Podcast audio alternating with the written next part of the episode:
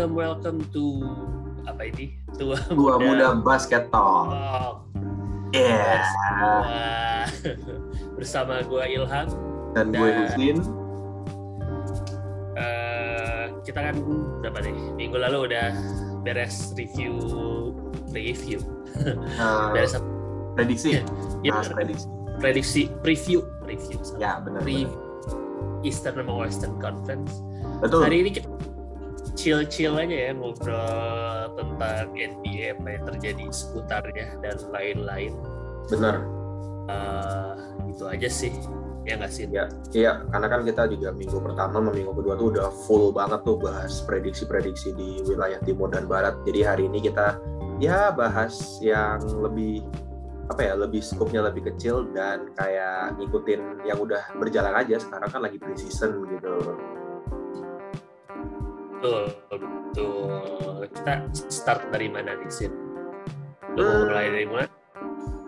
Kita mulai dari yang kayaknya mulai dari Bulls asik sih. Kalau gue ya, kayak gue ngelihat Bulls permainannya tuh wah menjanjikan banget nih buat musim depan nih. Ben- Kayak kita bahas di prediksi di Eastern kayak wah Bulls ini kayaknya works gitu dan di- ya walaupun ini preseason tapi cukup confidence lah gitu. Kalau lo menurut lo gimana Chicago Bulls di musim ini?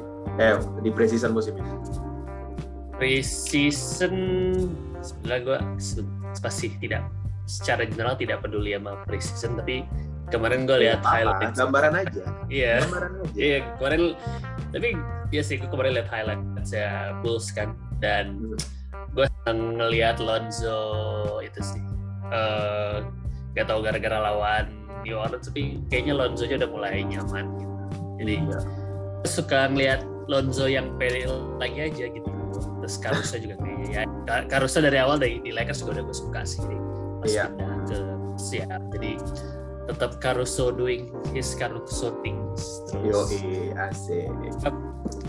iya kan Iya benar benar. apa lagi Eh, Tapi emang kayaknya kalau gue lihat emang Bulls juga kemarin ya lawannya juga klub-klub ya kayak Cleveland juga bahkan bahkan menang jauh lawan Cleveland gitu. Tapi ya cu- cukuplah dua tiga game preseason kita lihat highlightsnya Bulls kayaknya cukup menjanjikan untuk untuk contender minimal masuk playoff sesuai prediksi kita di episode 1. Hmm. Terus Oke. sama gue lihat juga itu yang gue lihat si eh, Jamoran sama Luka dan mereka apa ya preseasonnya Ja, Ja tuh udah gak nyantai gitu loh main. Iya Udah benar banget. gitu. Iya Iya kan? iya kelihatan banget sih. Atlanta Sama- juga Atlanta juga si Joe Collins juga udah preseason tapi kayak bukan preseason dah mainnya. Iya, sa- sama Luka ya dia ngeliatin kenapa dia apa ya eh, top 10 top 10 NBA player di. NBA ya top eh, Iya. dia masuk 10 tahun ini Hmm. top 10 lah Bener. Top Ya top. dia membuktikan lah kalau orang-orang ya. gue preview bisa. preview dikit lah gini Iya. inget kayak gitu warning inget gue gitu. inget gak lah inget gak kayak gitu iya Lo tau kan gue bawa negara gue yang sampah sampai final, eh hampir final gitu. Jadi kayak warning orang-orang aja yang masih underestimate dia. Hmm. Iya, tapi ya, secara season ya preseason gue gak tahu banget. Tapi eh, itu season kayak banyak yang seru tuh kayak eh, banyak masih ada beberapa cerita. Seperti biasa kita kembali ke drama Ben Simmons dulu. Aduh, aduh, aduh, aduh. Udah sampai mana nih episode-nya nih? The episode terbaru dari dramanya adalah eh, itu ternyata akhirnya menyerah juga. Eh, Tapi eh, menyerah juga. Jadi akhirnya si apa sih manajer dia, manajer kan? Ya agency, agency si CEO-nya si Cliff. Eh temennya LeBron juga Rich Paul ya. Akhirnya dia Huh? ngobrol sama Sixers terus pokoknya eh, Ben Simmons bakal apa bakal check in ke Philadelphia Six- 76ers terus semuanya bilang eh, minggu ini bahwa pokoknya minggu ini Ben Simmons bakal check in ke Philadelphia 76ers tapi ternyata surprise scene Hmm? orang-orang kira bakal minggu ini tapi kemarin dia udah muncul katanya Oh, dia udah muncul di camp Iya udah latihannya muncul Philly. di iya semua orang pada surprise sampai si pelatihnya si Doc Rivers juga nggak tahu. Berarti uh, menurut lo dia udah fix balik musim ini nggak akan di trade apa gimana? Kata gue bakal, uh, kata gue tetap di trade. Tapi kan gue sih balik lagi ke, lo, ke logiknya gini. Dia, dia tuh selesai playoff kemarin, trade value dia paling rendah, serendah-rendahnya gitu kan. Ya, Terus gue perhatiin kayak uh, kayak gue perhatiin kayak si GM-nya 76ers ke ngobrol sama Portland, hmm. dia mintanya tinggi gue nggak tahu dia minta playernya siapa tapi untuk minta pick saja udah gila dia udah minta pengen tiga pick first rounder sama tiga pick second rounder pokoknya pengen tiga pokoknya sama apa pengen banyak lah pick dari Portland belum itu plus pemain-pemainnya kan kita nggak tahu dia mungkin package-nya si J McCollum sama atau siapa atau Damian Lillard ya kita nggak tahu tapi hmm. ya tapi karena trade value-nya bandnya rendah ya uh, terus mereka nggak tahu kondisi band gimana kan ya ya again jadi kan langsung uh, susah kan buat uh, trade up eh buat tuker dia dan yang gue lihat-lihat lagi di story juga yang tertarik jelas tim-tim yang menurut gue nggak tim-tim yang tidak menarik lah buat ditukar kayak Indiana Pacers. Iya kan ya, ya. nawarin tim emang perlu bintang Indiana Pacers Timberwolves. Terus siapa lagi gue kemarin baca-baca pengen yang menurut gue nggak nggak secara matematikanya nggak logik lah ditukar sama Ben Simmons. Hmm. gitu sih kalau drama. Ben iya, iya, Simmons. Ya, ya, ya. gimana tuh sih Ben Simmons nah. kembali Berarti emang sesuai dengan ini juga ya, sesuai dengan yang lo prediksi. Kalau Ben Simmons itu harus naikin value-nya dulu minimal satu semester di musim depan ini berarti. Ya nggak sih? Iyalah, dia buktiin lah dia. Kalau buktilah kalau dia tuh bisa so, so, apa hasil rekaman apa di gym. Jadi bisa shoot nembak apa shoot shoot sosokan nembak three pointer lalala itu tunjukin lah gitu lah. Tunjukin di pertandingan the real NBA gitu ya iya gitu. Ya nanti gue yakin sebenarnya sebenarnya juga mau nuker dia dengan senang hati gitu. Jadi ya mm -hmm. cuman ya again gitu kan ini balik ke bisnisnya ya value lu rendah gue gimana mau nuker lu gitu. Kan iya balik. Bener. Tapi ini yang menarik nih menurut lo nih ya gue nanya lo nih uh, kan Ben Simmons ini berarti udah pasti balik di awal musim ini di season debutnya nanti dengan pilih dengan timnya dengan semua drama yang udah terjadi di waktu sebelumnya menurut lo chemistry dia yang sudah hampir retak dengan tim dan organisasinya akan ngaruh nggak sama performance dia? Nah itu yang nggak tahu sih. Balik lagi. Tapi gue kalau lu tahu history NBA sih dari dulu sebetulnya. Mm-hmm. Tuh yang drama kayak gini banyak nih. Banget kayak gitu. Nah, uh, dari yang terkenal kayak si Karim Abdul Jabbar, si Hakim Olajuwon. Iya, yeah, iya. Yeah. Uh, yang paling baru Anthony Davis kan tapi nggak sedrama Ben. Nggak sedrama Ben gitu kan. Yeah. Iya. Uh, gue lihat sih sebetulnya sejauh yang gue lihat sejarah sih kecuali yang benar-benar gak mau main ya kalau yang yeah. ujung-ujungnya harus main kayak gue tahu Hakim Olajuwon tuh dulu sebelum dia juara uh, apa dia udah minta pengen ditukar dari Houston mm-hmm. uh, uh, pokoknya dia benar-benar marah-marah lah bla bla bla tapi ujung-ujungnya enggak dia main dan malah dia waktu itu dia sebelum juara akhirnya dia juara dua championship dan ya, uh, itu dia tetap di Houston sampai tahun berapa tahun gue lupa kan hmm. jadi uh, nggak tahu ya ya itu kan tapi gue balik lagi itu orang uh, apa ya uh, anak orang-orang zaman dulu quote on quote gitu. Kalau hmm. Ben kan uh, angkatan muda NBA gitu lah yang zaman sekarang yang about lebih banyak tentang mereka gitu. Ya gue nggak tahu yep. apa Ben bisa dan kalau gue berarti juga Ben tuh kayaknya tidak gimana ya sedikit sensitif mungkin bahasanya gue nggak tahu iya, bahasanya. ya sih. Gak dia bisa menurut gue nggak tahu dia bisa profesional apa enggak karena kan balik lagi. Tapi tadi gue baca quote-nya quote-nya si Embiid pas dia tahu Ben udah balik terus dia bilang uh, kata bilang ya ini mah balik lagi kata dia. Ya nggak masalah sih katanya untuk apa tentang ini katanya gue sih terima mereka karena dia dia bilang uh, Embiid uh, si Embiid bilang kalau gue bakal lebih baik sama ada band kok gitu. Dia juga tahu harusnya gitu terus ya ini juga profesional lah. Jadi yang hal-hal kayak gitu udah bukan masalah lah gitu. Buat Hmm. Embiid. Benar-benar tapi kita tahu band lah gitu. Iya.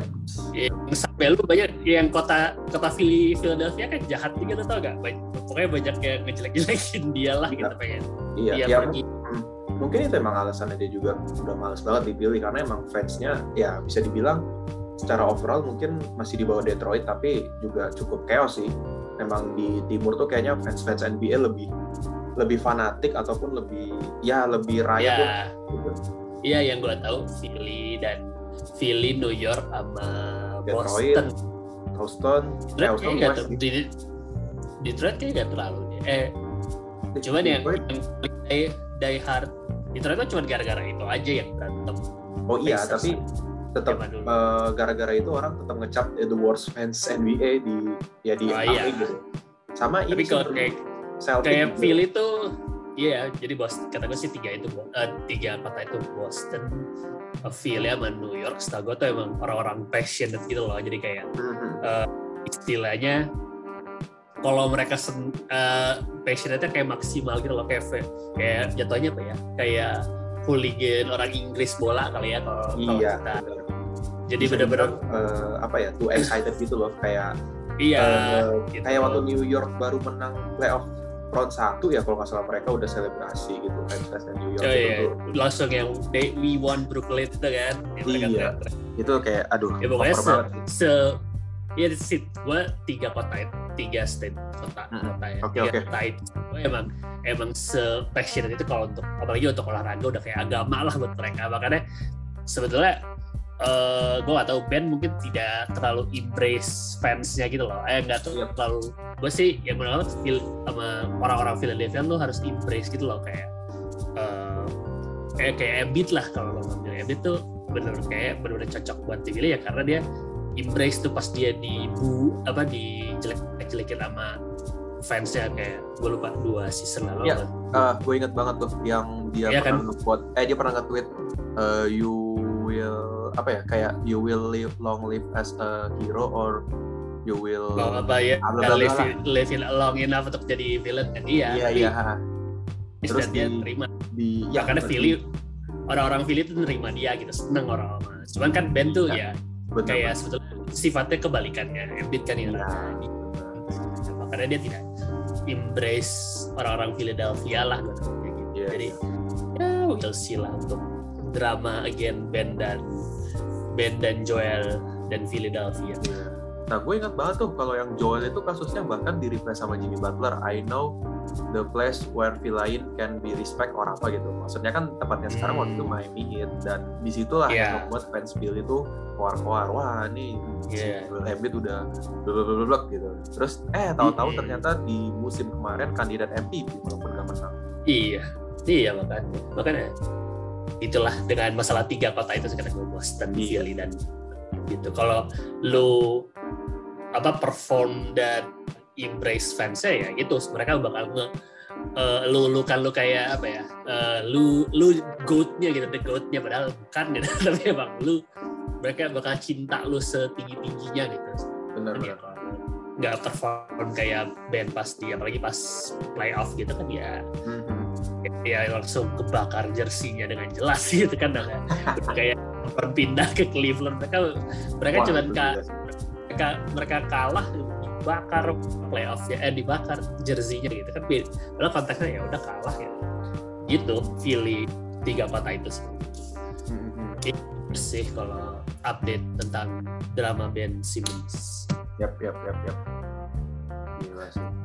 Eh, ada cerita lain tuh oh yang itu eh Kyrie Eh, Oh iya, Kyrie, bener. Akhirnya muncul ya. Kyrie- akhirnya muncul karena aturan lain nih jadi harusnya kan eh, di New York tuh pokoknya se- pokoknya dari apa dari wali kotanya udah bilang kalau eh, semua olahraga yang indoor harus isinya orang-orang vaksin Yap, bener. Eh, gitu kan Mhm. terus tadinya udah baca beritanya bro eh, tadinya orang-orang eh, orang-orang Brooklyn bilang apa orang-orang Nets ki- udah berharap nih si Kyrie bakal ngambil vaksin tapi ternyata makin makin ke sini kayaknya mungkin karena uh, beritanya makin gede terus jadi diomongin-omongin dan dia kan orangnya ya you know lah Kyrie gimana Yap. terus dia uh, dia makin intinya kayaknya dia tidak bakal sejauh ini tidak bakal ngambil vaksin Mm-mm. tapi kenapa dia akhirnya bisa ikut training camp ter- uh, ternyata ada aturan eh, dibuat diubah aturan baru bahwa tempat latihan punya Brooklyn adalah private property Hmm. jadi kalau buat properti ya terserah lu lah mau gimana gitu mau Ya, dipakai ya, buat jadi- apa. Udah ya vaksin. ini udah lebih udah bahasnya udah lebih ke politik lah ya kayaknya. Ya ini mah duit bicara sih kalau ngeliat deh bener. ya biasa Ya. negara liberal demokrasi. Masih bisa dinego tapi lah. ya bisa nego lah. Oh ya udahlah. Tapi gua nggak tahu sih. Gua kalau yang untuk pasarnya sih ya gua ngerti lah ya bisa lah ne- nego untuk tempat latihan jadi private apa eh, private property kan tapi kayaknya tetap kendala utamanya terus gue lihat quote dari Steve Nash juga dia kayak eh, rata-rata juga ya udah gue gue mereka intinya mereka siap setiap home eh, pertandingan di rumah nggak ada Kyrie Hmm. Tapi eh gue mau nanya, dalam aturannya itu berarti Kyrie bener-bener nggak boleh masuk gedung itu atau boleh datang tapi nggak boleh main? Oh itu gue nggak tahu ya detail tapi kayak kayaknya nggak boleh deh kalau nggak vaksin Nggak boleh ya? Karena gue penasaran sih sama Iya. sistemnya itu kayak gimana nanti yang terjadi. kayaknya dia nggak boleh ada harus aneh juga kalau dia ada tapi nggak boleh apa karena Nah iya sih, jadi kayak ya lu apa guna aturannya gitu?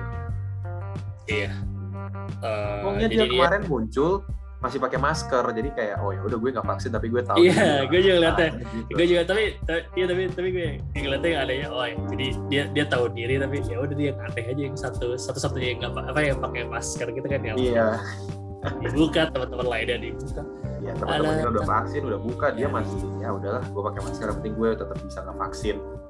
Mungkin gitu kali ya di pikirannya. nggak ngerti gue aja pikirannya gitu Ya, Kyrie. Ya begitulah Gitu. Dari dulu. Tidak. tapi ya dia nggak ada berapa 40 berapa dia nggak bakal main 82 bagi dua apa ya pokoknya setengah Ya, game di rumah dia Satu dua, berarti Setengah pas satu dia nggak main. Oh iya 41 kok gue bodoh. 41 dia nggak main. Plus dia nggak boleh nggak bisa main di California ya. California kalau salah pernah ya California dia nggak bisa main. Mhm. Gitu aja udah tambah eh, ada berapa tim sih? Empat ya empat tim di California. Jadi dia oh 41 tambah itu sih 8 8 tim. Eh eh enggak 4 doang. Oh cuma berarti 45 45 game dia bisa. Oh iya, itu. New York ya. Oh iya New York New York nggak bisa ya. Wah. Oh, dia, kan- dia dia New York kan sama ya satu kota kan Brooklyn New York dan kalau Iya, ha. di New York nggak Iya, bisa udah kena Knicks Di New York. ya pokoknya banyak lah jadi tapi lucu gitu kan jadi kayak apa ya? Ya kalau misalnya jauh sampai playoff gitu terus dia tetap kayak gitu ini kayak nggak guna gitu. Lu jadi Nah. apa? Eh gimana ya? Kalau dia dapat home advantage gitu yang 4 bagi tiganya 4 di home tapi dia 4 misalnya Brooklyn dia dapat 4 di home tapi 4 empatnya dia gak ada Kyrie-nya gitu. Kan aneh Iya. gak sih lu? Kayak lu biasanya orang tuh senang dapat home ini malah ya rugi gitu. Iya rugi kan? Mhm. Kyrie-nya kalau sedangkan misalnya lu away lawan Atlanta gua tahu aturan Atlanta gimana. Tahu ya lawan Atlanta, Atlanta ya Kyrie boleh main. Ya gue mending la- lawan Atlanta empat kali ada Kyrie-nya ya gak sih? Iya gitu. benar. Bang Eh, Gak aneh, aneh banget sih. Si Kyrie udah gua nggak ngerti lagi. Ya begitulah Kyrie. Tidak berubah. Tuh terus apa lagi sih di season ini aduh sebenarnya gue tuh karena cukup mengikuti pertandingan preseason ya tapi kayak ya benar kata lu sih tidak tidak penting tapi kayak was was gitu loh kalau tim yang kita suka tuh kayak performanya kok gini gitu istilahnya. Gue tuh pengen bahas banget sih kayak Westbrook nih. Bener kata lu Westbrook tuh aduh udah berapa game tuh kayaknya masih belum memuaskan gue dan beberapa mungkin fans Lakers juga. Tapi ya balik lagi itu this is a preseason dan kayaknya harusnya tidak it's not a big deal dan lebih tepatnya juga yang Lakers lawan di pertandingan preseason ini tuh juga tim-tim yang cukup memang kuat kayak Suns ini kalah dua kali udah. Hmm. Golden State juga kemarin kalah beda satu poin sama Hmm. yang terakhir itu kalah Brooklyn. Oh yang first time banget tuh sama Brooklyn. Bahkan Brooklyn itu Kyrie sama Durant nggak main, cuma James Harden waktu itu ada main. Ya mungkin di sisi Lakers sih waktu yang pertama banget sama Brooklyn juga Westbrook, LeBron, AD juga nggak main. Eh sorry, AD main walaupun minutnya di Eddie doang. Ya. Seingat gue doang ya. yang kacau itu pas Golden State sih semuanya main even LeBron juga main tapi tetap masih kalah ya walaupun beda satu poin lah jadi kayak gue ngeliat aduh nah, sebenarnya selain Westbrook gue masih ngerasa aman karena ya ini preseason tapi setelah tiga kan total 4 game ya kalau nggak salah Westbrook itu main di tiga game kayak wah belum memuaskan sih statistiknya. Ya semoga aja nanti pas udah debutnya di season cukup bisa memuaskan. Ya tapi kita tahu lah ya Westbrook dari zaman di OKC akhir-akhir selalu gitu di awal-awal musim kayak under ya setelah dia menang MVP sih menurut gue. Setiap awal musim tuh dia underperform banget jelek banget egois banget tapi ya di menjelang playoff dia membuktikan dia bisa. Dia dia selalu masuk playoff even selalu kalah di first round. Dari waktu di Rockets sama kemarin di Wizards.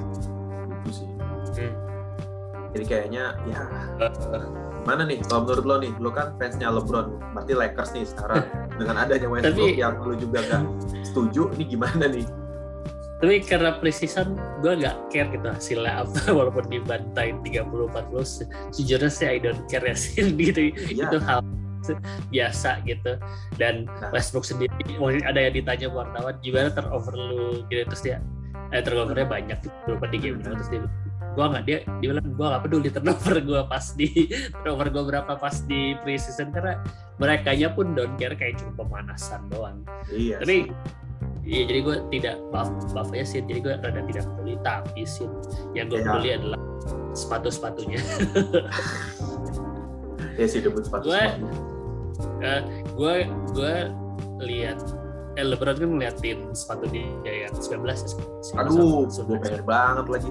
Apalagi yang edisi Space Jam. 19 19 ah tapi gue tadinya gak suka sih yang Space Jam. Tapi dia ngeliatin yang pertama kan Space Jam yang pas Media Day. Ya Media Day dia liatin yang Space Jam ya. Hmm. gue gak tahu. Karena warnanya atau apa gue gak suka. Hmm. tapi kemarin dia lihat putih biru. Aja itu cakep juga ya. Bagi bagus biru itu kodenya apa? Lebron gue nggak tahu Lebron 19 berapa. Eh apa namanya? Apa warna itu. Tapi tapi bukan bukan berhubungan sama Space Jam ya? Karakter karakternya enggak? Kan nggak putih biru nggak. Nggak nggak, apa namanya? Itu Tapi Hmm. itu bagus sih. Yang s- cari aja lah nanti 19 ya dia pakai pas preseason gue lupa kayak Iya, terbaru pakai kayak gue pernah lihat. Kayaknya yang lawan Golden State ya, karena dia cuma main di situ. gue. Oh iya, kayaknya itu. Iya itu. Warna warna ya paling banyaknya putih terus ada ya si si garis-garisnya biru itu bagus sih kata gue. Kalau berani bakal beli lagi kayaknya. Gue yang 18 gak beli soalnya itu low, gue gak suka. Gue gak suka low. Tapi kemarin dari kemarin gue liat aja gitu di apa? 14 kan ada yang high juga bro.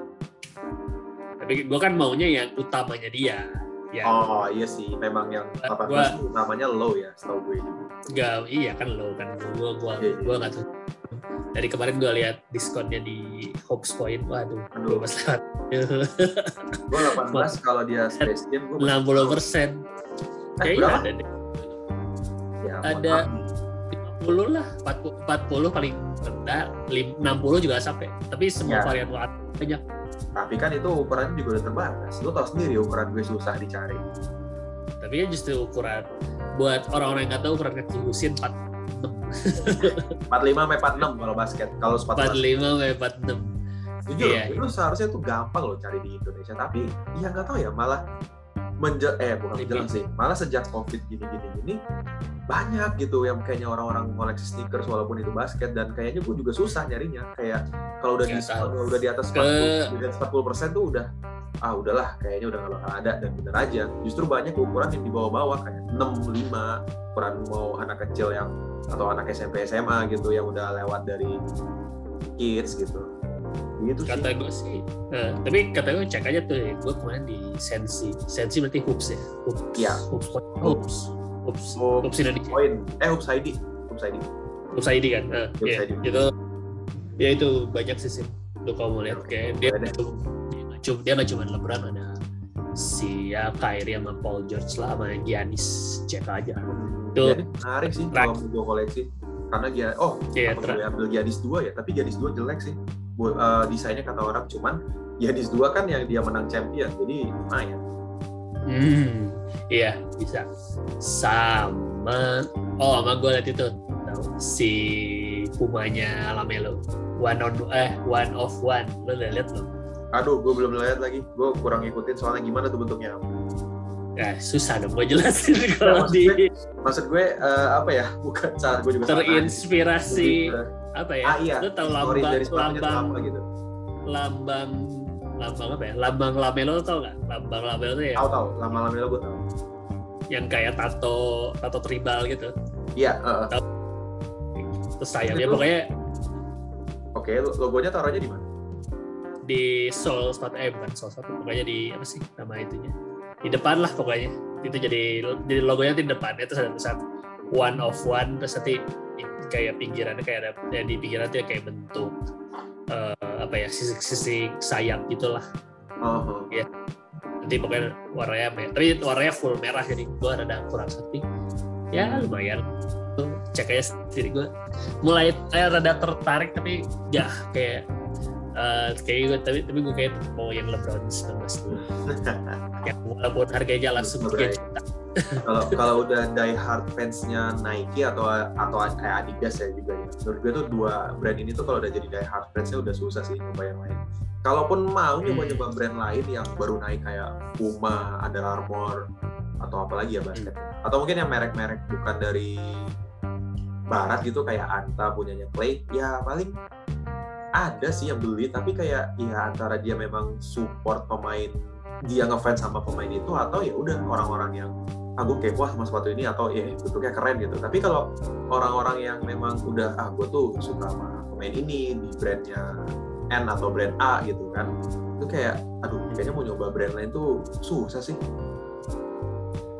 Iya sih Eh, paling Ya. eh, gue juga kayaknya untuk yang menarik sih gue masih mau lihat-lihat lah. Hmm, nah kecuali atau in case harganya bagus drop drop parah ketika udah berjalan di tengah-tengah season atau udah mau akhir iya sih kalau harga drop gue mulai perhatiin kayak iya. eh, Ya, kayak kemarin ya. kemarin. Kan di gue kan kurang Kusuma suka tuh apa? apa? Kusma Converse ya? Kusma tuh Converse apa Puma? Kusuma Puma. Yang Converse itu Draymond Green sama Aubrey Junior. Kelly Aubrey. Oh iya, benar-benar. Soalnya kemarin gue liat ada yang convert sering lumayan sih. Low-nya tapi ya Ya, gen itu hard harganya iya. Wah itu diskon banget loh Kalau gue ya waktu itu gue lihat yang di tempat lo yang lo suruh di Campville wah itu jadi gope tau gak tapi emang ukurannya bukan ukuran gue sih ukuran 41 jadi ya gue gak bisa. Racun lah pokoknya kalau udah ngomong sepatu basket. Udah udah udah udah. Nggak akan ada. Habis nanti itu ada episode khusus. Pasti ada. Kita sekarang masih sudah berjalan beberapa minggu ini.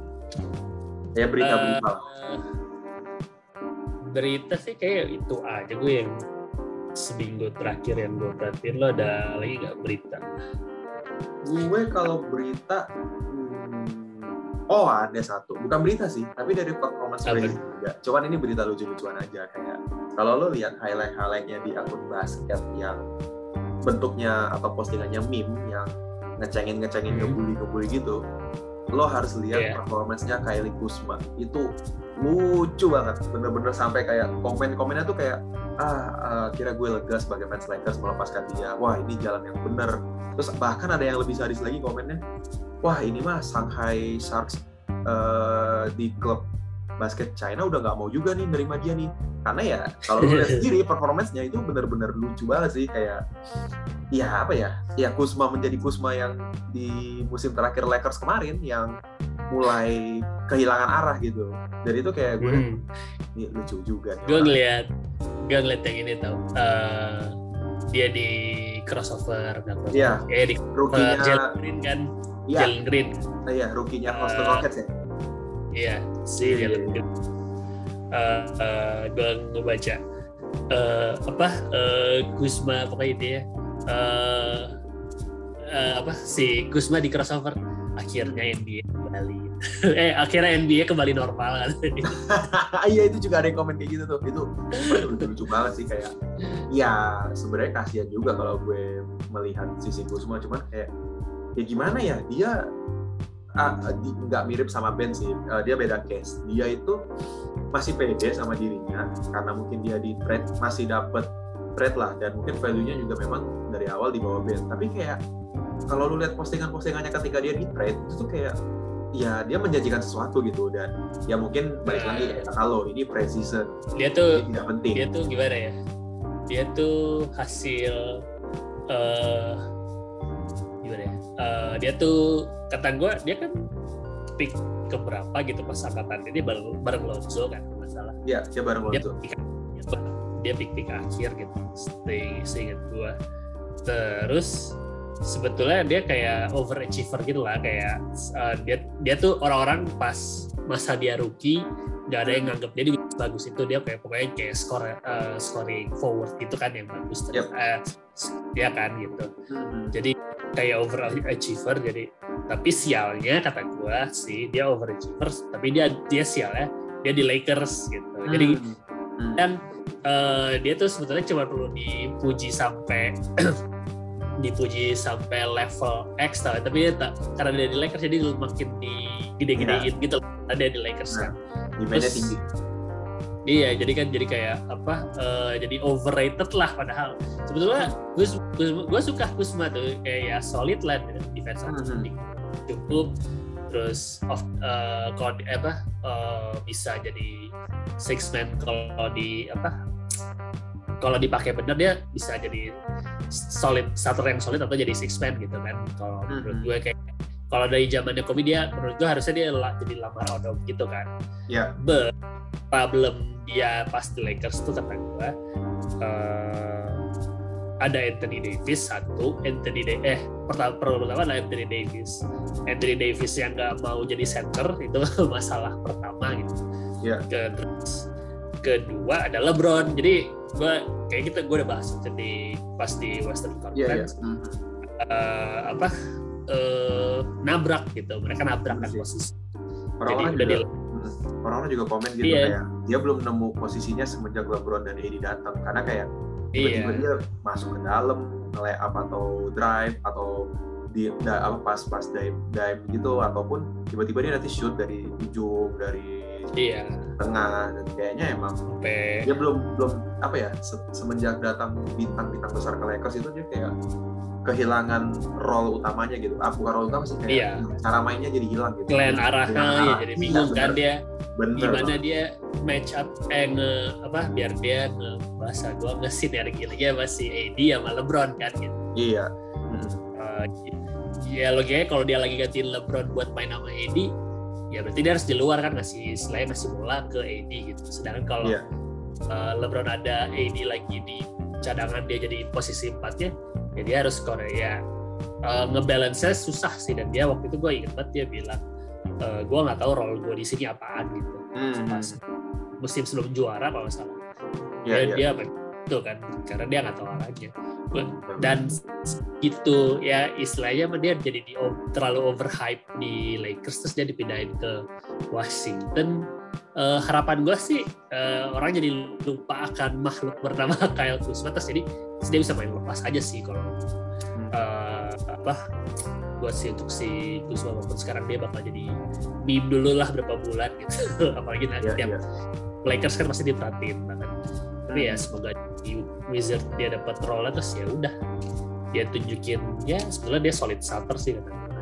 Iya, iya. itu sih walaupun dia nabrak sama Hachimura jadi gue nggak tahu itu Nah gimana. itu juga tuh, itu yang gue bingung Wizards gimana. Cuman ya itu, balik lagi performance dia kemarin tuh, ya bener sih preseason tuh gak penting, tapi ketika lo menunjukkan permainan yang aneh dalam tanda kutip, ya lo akan Mhm. jadi sebuah highlight akan di iya Akan orang tahu dia dibahas. kan namanya dia dan Coba kalau emang- bukan Kuzma atau siapa yang tidak Hmm. tidak overrated atau di overhype Ya. gitu kan ya udah udah biasa gitu tapi karena dia di salah satu gantinya Nick Young sebagai meme-nya NBA gitu Mhm, dia tapi Clay jago jadi Clay mau nge-meme kayak gimana juga orang-orang pasti seneng tuh. Cuman Gus kan rada kadang kadang sucks kan jadi ya udah jadi iya.